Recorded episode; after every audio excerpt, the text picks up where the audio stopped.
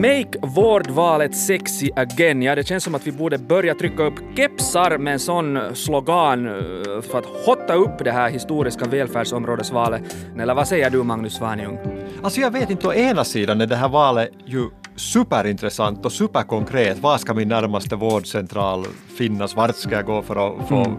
fast fysioterapi? Ska jag få gratis preventivmedel? Å andra sidan så är det ju av någon märklig anledning fullständigt osynligt och det verkar finnas på något sätt ett behov bland ganska många att framställa det som på något sätt ointressant och svårbegripligt och, och byråkratiskt. Mm. Skulle du själv gå omkring med en sån här keps med den här Make vårdvalet sexy again? Uh, nej. nej, men du, du, du, du, kan ju försöka trycka upp sådana och se hur populära de blir. Lippisar brukar ju vara hot stuff inom politiken. Vi ska här i nyhetspodden från, från Svenska Yle förklara vad som står på spel just i det här valet och varför intresset är så svalt. Ligger felet bara hos väljarna eller ligger felet också i själva valet? Jag heter Johannes Taberman och med mig har jag alltså vår politikreporter Magnus Svanjung.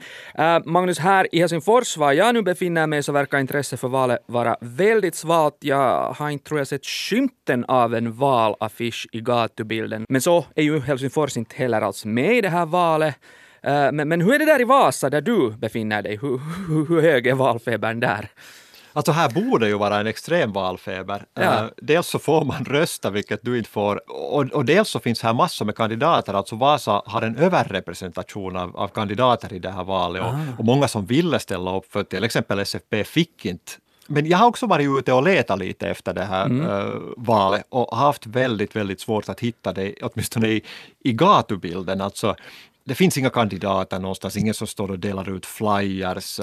Här är nu sådana här stora namn som säg Joakim Strand till exempel har, har lyckats um, få upp ganska många sådana här valaffischer um, och sånt. Man ser väl någon insändare i i, i Vasabladet och, och Pohjalainen här. Mm. Uh, det pågår förstås uh, åtminstone annonsering i, i sociala medier och så här men men ganska lite konkret eh, valdebatt. Hur, hur, är det med liksom väljarna där i Vasa då? Hur, hur mycket bryr de sig om det här valet och tänker på det nu?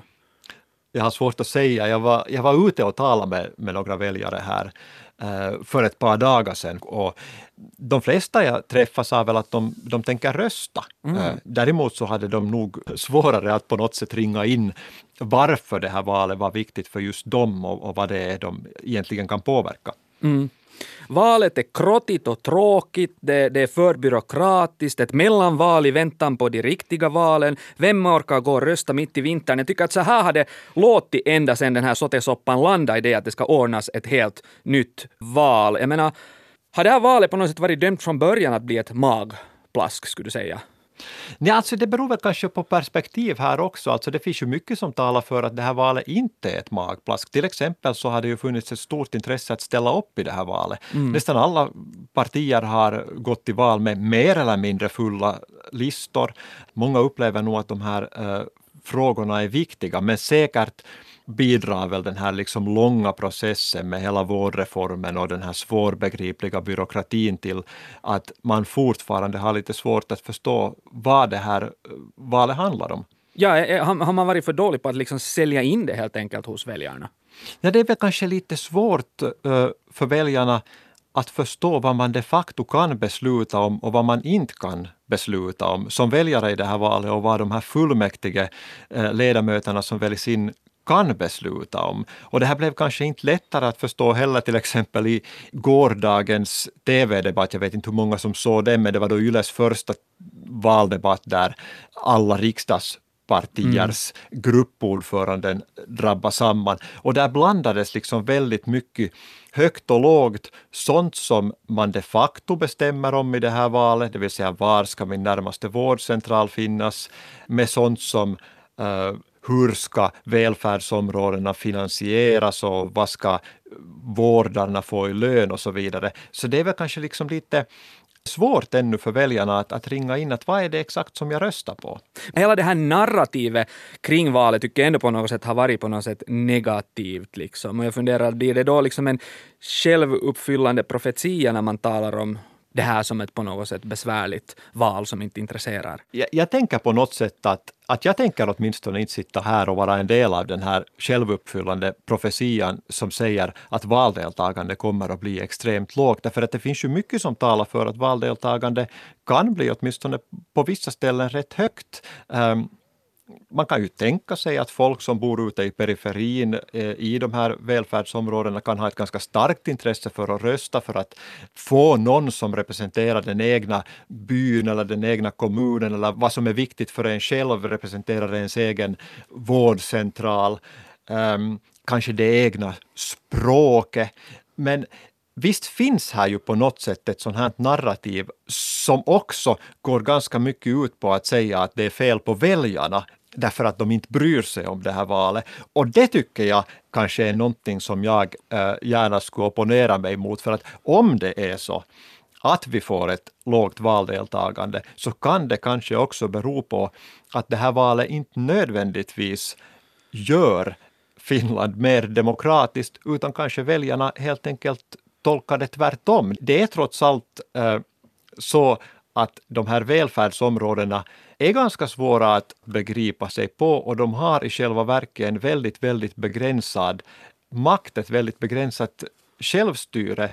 De är liksom lite quasi-självstyrande och man kan också ju argumentera för att makten möjligen flyttas längre från folket i och med att alla kommuner helt säkert inte kommer att ha representation i de här fullmäktigena. Så det är kanske inte så mycket fel på väljarna utan på mera fel på själva valet? På något sätt så, så tror jag att före man anklagar till exempel medierna, politikerna och väljarna för att man inte förmår göra det här valet intressant så måste man också på något sätt se det här liksom bakomliggande. Att nu upprepar politiker till exempel att det här är 20 miljarders val, det vill säga att de här fullmäktigerna kommer att bestämma över enorma summor pengar, det vill säga 20 miljarder, men de har ändå ett förhållandevis begränsat spelutrymme. Mm. Um, och, och, när man lovar väldigt stora saker uh, nu inom partierna, som när de gröna till exempel lovar att man ska satsa på på till exempel mentalvård för unga, eh, så är det förstås ett väldigt fint löfte, men då inställer sig någonstans sen frågan att, att när de här välfärdsområdena har en massa lagstadgade uppdrag som de måste sköta och inte har möjlighet att till exempel fixa några egna inkomster genom till exempel bära upp skatt, så kan den här typen av ideologiska och, och, och politiska frågor ha ganska liten betydelse sen i verkligheten. Det kanske inte går att prioritera så lätt så som man vill. Jag funderar ändå liksom att, att, att borde inte liksom det här välfärdsområdesvalet intressera mera med tanke på att vi ändå är mitt i en global hälsokris. Och det här valet handlar ju just precis om hur vår vård och hälsa ska skötas i framtiden. Frågor som är brännheta just nu. Så det borde ju finnas liksom ett momentum för att, för att liksom diskutera det här och engagera folk kring de här frågorna. Här är väl det svåra kanske på något sätt att dels diskutera det här valet på riksnivå. Om jag igen går tillbaka till den första valdebatt på Yleskanalet som hölls igår, så kan man tala om saker på ett väldigt, väldigt allmänt plan och då blir det lätt att alla partier på något sätt håller med varandra. Det fördes till exempel en lång diskussion om var ska den närmaste vårdcentralen finnas? Ska det finnas en i varje kommun Där inte? Alla räckte upp handen på att de får inte hamna längre bort än de är nu. Men jag tror att man som väljare kanske borde åtminstone tänka det här som ett regionalt val och ett lokalt val eh, där man helt enkelt borde fråga sin egen kandidat de här väldigt konkreta frågorna. Var ska min närmaste vårdcentral finnas? Ska jag få psykoterapi eller hjälp för mentala problem inom sju dagar som någon har lovat, ska jag få gratis preventivmedel och så vidare. Eh, för det här är ju beslut som, som fattas väldigt lokalt. Men får man inte svar på de här frågorna nu till exempel om man går in i valkompassen, gör det inte en lite klokare? Det gör en mycket klokare. Eh, samtidigt så är på något sätt de här konkreta frågorna inte ännu kanske väldigt konkreta ens när man tar ner det här på en regional nivå därför att man har liksom inte riktigt kommit så långt i att bygga upp de här välfärdsområdena och de här valkompasserna, både Yles men också andra medier, har därför ganska långt också koncentrera sig på mera övergripande värdefrågor. Mm. Jag tittar också på just den här valdebatten som du hänvisar till. Alla partier verkar ju nu gå ut och lova att vården ska finnas närmare dig och den ska komma snabbare till dig. Men hur är det här möjligt? Men det låter ju som en utopi som, som alla partier nu försöker sälja in. Ja, alltså ingen, inget parti kan ju gå ut och säga att, att röstar du på oss så försvinner vården någonstans Nej. längre bort och den blir lite sämre. Men nu kan man till exempel när man jämför svaren i, i Yles valkompass till exempel se att partierna har lite olika inställning till hur viktigt det är att vården blir kvar ute i de gamla kommunerna så att säga. Äh, ett tydligt mönster är till exempel att Samlingspartiet och de gröna är mera benägna att, att om resurserna tryter så centraliserar man mera till, till centralorterna medan, medan då Vänsterförbundet, Socialdemokraterna, Centern, kanske framför allt och SFP också är mera benägna att, att försvara både beslutsfattande och, och den eh, lokala servicen ute i, i, i de nuvarande kommunerna. Så, så alla partiers liksom välfärdsområdesutopier ser inte helt likadana ut ändå? Kanske inte, men man måste skrapa ganska ordentligt på ytan tror jag, uh, om man så här på något sätt på ett riksplan ska förstå vad det här handlar om. Och som sagt, jag tror att det här valet kommer att tolkas på olika sätt beroende på var man röstar också. Men kan man liksom tänka sig att knutpatriotismen liksom kommer att köra över partitillhörigheten i det här valet? Jo, den kommer säkert också att splittra partier äh, mm. när vi sen väl har de här fullmäktigena och, och vi börjar se dragkamper. De kommer säkert att vara både politiskt färgade och knutpatriotiska. En, en annan sak som, som jag började fundera på när jag följde med den här valdebatten, och det är ju hela den här svåra finansieringsbiten som det har ju diskuterats ända sedan det är väl klart att det här valet ska ordnas och de här välfärdsområdena nu bildas. Men frågan är ju liksom att hur ska vården kunna ordnas på ett mera kostnadseffektivt sätt och, och bli bättre som man nu lovar, om inte då vårdlandskapen får uppbära egen skatt. Är det här liksom ens realistiskt att tänka att det här ska gå? Då först och främst så är det inte en fråga som man överhuvudtaget kan påverka i det här valet. Ändå har det ju på sätt och vis blivit en mm. valfråga. Eh, men det finns en ganska bred politisk konsensus kring att så länge välfärdsområdena, förlåt, eh, jag har svårt med det här ordet fortfarande fast jag använder det dagligen, men, men det finns en ganska bred konsensus om att så länge de har så här få uppgifter så är det inte ändamålsenligt att de ska lyfta skatter för att det skulle ändå vara så att man skulle måste jämna ut det här oändligt mycket därför att de har så olika förutsättningar de här områdena. I korthet på det sättet att där folk är mest sjuka är folk också fattigast. Så det är väl egentligen bara de gröna och vänsterförbundet som just nu driver på en sån här skatt. Men det är ju också förstås en sån här demokratifråga, att så länge de här välfärdsområdena inte kan driva in skatter så är det också ganska begränsat vad de i själva verket kan besluta om. Ja, och då, på något sätt kommer man liksom på något sätt igen, tycker jag, tillbaka till den här grundfrågan som vi var lite inne på. Att, att, att finns det ett verkligt behov av det här välfärdsområdesvalet? Eller är det bara på något sätt ett konstruerat byråkratiskt behov som, som väljarna helt enkelt inte köper? Om väljarna köper det, det ser vi den 23 eh, januari när valet hålls. Mm. Eh, det finns väl en bred politisk konsensus om det, att vården behövde organiseras om. Mm. Det vill säga få bredare axlar som det har talats om. Om sen då vårdområdena skulle vara färre eller fler så råder det ju lite olika åsikt om. Men sen är det en annan sak att finns det en beställning på just de här områdena ur ett demokratiskt perspektiv. Det här betyder förstås inte att man inte ska rösta i valet. Det finns många saker man bestämmer om i det här valet trots allt. Om du skulle nämna en sån här konkret sak som, som man kan liksom påverka genom att gå och rösta? Servicenätverket är, är förstås jätte, jätteviktigt, det vill säga var ska servicen finnas? Vad ska finnas mellan väggar i den eh, på den egna orten. Eh, vad ska vara sånt som kommer med en ambulerande buss, var ska närmaste jour finnas och så vidare. Eh, sen är ju en jättestor fråga eh, hur mycket av vården eh, man ska låta privata aktörer ta hand om, det vill säga hur mycket mm. man använder till exempel olika former av servicesedlar.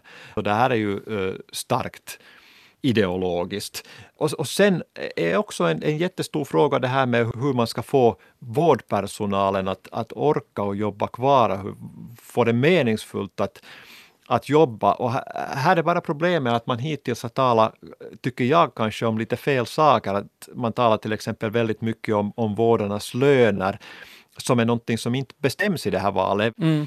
No, no, oberoende av hur det nu går så, så är välfärdsområdesvalet ett historiskt val med ett historiskt krångligt namn, men tror du valdeltagande också kommer att bli historiskt lågt?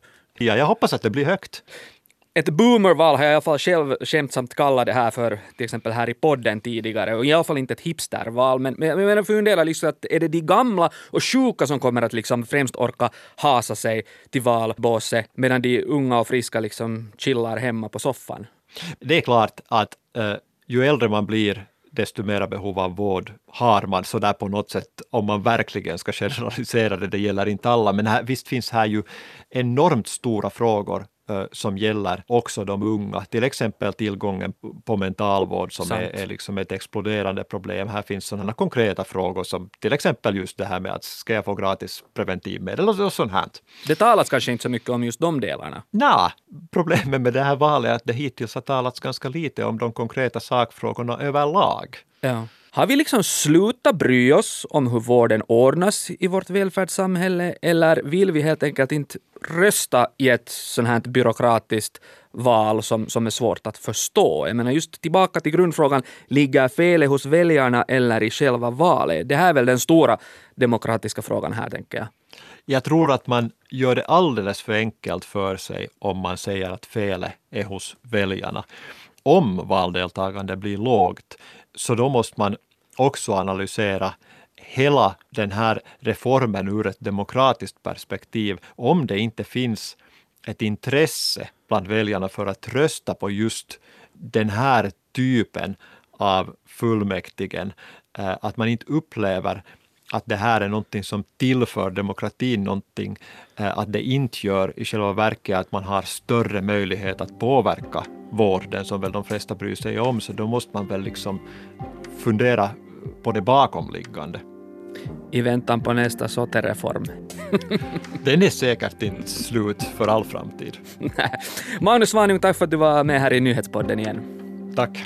Jag heter eh, Johannes Taberman. Fortsätt lyssna på oss.